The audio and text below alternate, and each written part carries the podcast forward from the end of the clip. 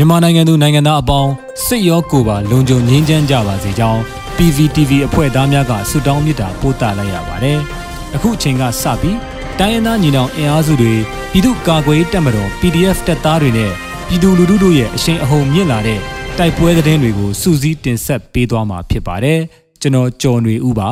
။ပထမဆုံးအနေနဲ့ ဂံကောမင်းရွာရဲစခန်းကို YDF နဲ့မြိုင် PDF ဝင်တိုက်ပြီးစစ်သား20ဦးသေဆုံးက18ဦးဒဏ်ရာပြင်းထန်တဲ့တဲ့ရင်ကိုတင်ဆက်ပါမယ်။မကွေးတိုင်းဂံကောမြို့နယ်မင်းရွာရှိအကြမ်းဖက်စစ်ကောင်စီစစ်သားနဲ့ရဲများတပ်ဆွဲထားတဲ့ရဲစခန်းကိုရော့ဒေတာကာကွယ်ရေးတပ် YDF နဲ့မြိုင် PDF တို့ကဖေဖော်ဝါရီလ10ရက်ည9:20မိနစ်မှာဝင်ရောက်တိုက်ခိုက်ခဲ့ရာစစ်ကောင်စီဘက်မှ20ဦးသေဆုံးပြီး18ဦးဒဏ်ရာပြင်းထန်ကြောင်း YDF ကသတင်းထုတ်ပြန်ပါတယ်။စစ်ကောင်စီဘက်မှအများအပြားသေဆုံးတော့လဲ အဆိုပါစခန်းကိုသိမ်းပိုက်နိုင်ခြင်းမရှိဘဲ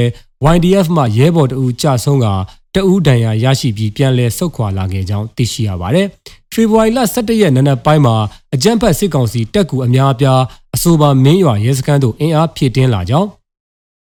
YDF ကပတ်ဝန်းကျင်ကိုဆက်လက်ပိတ်ဆို့ထားမှုကြောင့်ဒဏ်ရာရစစ်ကောင်စီစစ်သားများကိုကယ်ထုတ်နိုင်ခြင်းမရှိသေးကြောင်း YDF ကဆိုပါတယ်။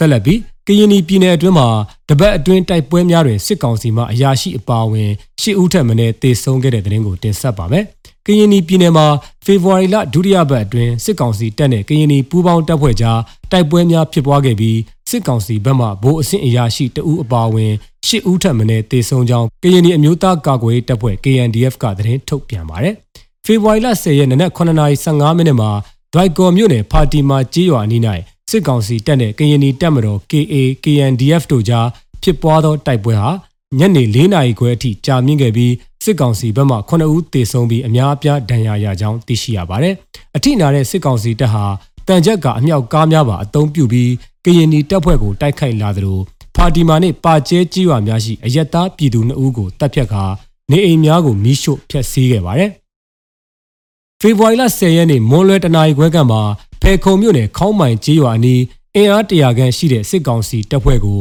ကရင်နီတပ်ဖွဲ့ကမိုင်းဆွဲတိုက်ခိုက်ရာထိခိုက်ဒေဆုံးမှုများရှိကြောင်းဖေဖော်ဝါရီလ9ရက်နေ့မှာဖဲခုံမြို့နယ်ပင်ပုံကျေးရွာမှာတပ်ဆွဲထားတဲ့စစ်ကောင်စီတပ်နဲ့လက်ပါစီ PNO ပြည်သူစစ်တပ်ဖွဲ့ကိုကရင်နီပူးပေါင်းတပ်ဖွဲ့ကတိုက်ခိုက်ပြီးစစ်ကောင်စီမှဗိုလ်အဆင့်အရာရှိတအူတေဆုံးကြောင်း KNDF ကဆိုပါတယ် ဒီမော့ဆိုမြို့နယ်မှာလည်းတိုက်ပွဲများပြင်းထန်ခဲ့ပြီးဒီမော့ဆိုမြို့မှာရဲစခန်းမှာတပ်ဆွဲထားတဲ့ငွေတောင်အခြေစိုက်ခလာရ139နဲ့ခမာရ၄နှစ်ခွန်တပ်ရင်းများကိုကရင်နီပူးပေါင်းတပ်ဖွဲ့ကတိုက်ခိုက်ခဲ့ပြီးစစ်ကောင်စီဘက်မှထိခိုက်ကြဆုံးမှုများရှိခဲ့ကြောင်းဖေဖော်ဝါရီလ12ရက်နဲ့13ရက်များမှာလွိုက်ကော်မြို့နယ်မြို့ပေါ်ရက်ကွက်များနဲ့မှုံပြကျေးရွာရှိရေကန်အနီးမှာလည်းတိုက်ပွဲများပြင်းထန်ခဲ့ပြီးစစ်ကောင်စီရဲ့ထိခိုက်ဒေဆုံးမှုကိုအတိမပြုနိုင်သေးကြောင်း KNDF ကထုတ်ပြန်ထားပါတယ်။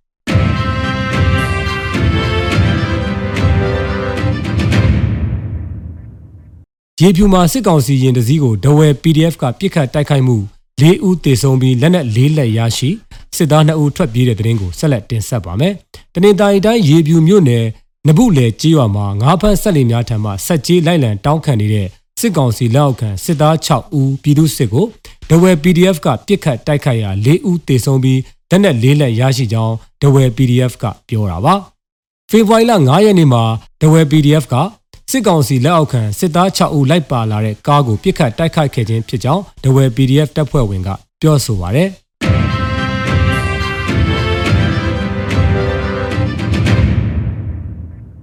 ဆက်လက်ပြီးစကိုင်းရင်မြက်ကြီးအင်းမ A5 စစ်တိုက်လေရင်ပြက်ကြပြီးလေရင်မှုတေဆုံးတဲ့တဲ့တင်တင်ဆက်ပါမယ်စကိုင်းရင်မြက်ကြီးအင်းမပြက်ကျသွားတဲ့နန်ချန် A5C Phantom စစ်တိုက်လေရင်မှုတေဆုံးသွားပြီး လေရင်အပိုင်းအစာများဆယ်ယူနေကြောင်းတက်ဆိုင်ရာကယ်ဆယ်ရေးဆောင်ရွက်သူများထံမှသိရှိရပါတယ်။စကိုင်းတိုင်းစကိုင်းမြို့နယ်ရင်းမြက်ကြီးအင်းမှာတိုက်လေရင်ဒဇင်ယနေ့နနက်7:00နာရီဝန်းကျင်အချိန်ပြတ်ကျသွားကြောင်းဒေသခံများထံမှသိရပါတယ်။စစ်ဘက်သတင်းရင်းမြစ်တချို့ကလည်းတိုက်လေရင်ဒဇင်ပြတ်ကျမှုသတင်းများရရှိထားပြီးဆက်ချုပ်ရင်းမှုကြောင့်သို့မဟုတ်ပြစ်ချခံရမှုဆိုတာကိုမသေးကွဲသေးကြောင်းပြတ်ကျသွားတဲ့စစ်တိုက်လေရင်မှာ A5 ဖြစ်ပြီးတရုတ်နိုင်ငံထုတ်ဖြစ်ကြောင်းသိရပါတယ်။ စစ်ကောင်စီဘက်ကမူယနေ့နနက်10:43မိနစ်တွင်စစ်တပ်၏တိုက်လေရင်တစဉ်ပြတ်ကျသွားကြောင်းလေရင်မောင်းကိုကယ်ဆယ်ရေးလှုပ်ဆောင်နေကြောင်းအတည်ပြုထုတ်ပြန်ပါတယ်။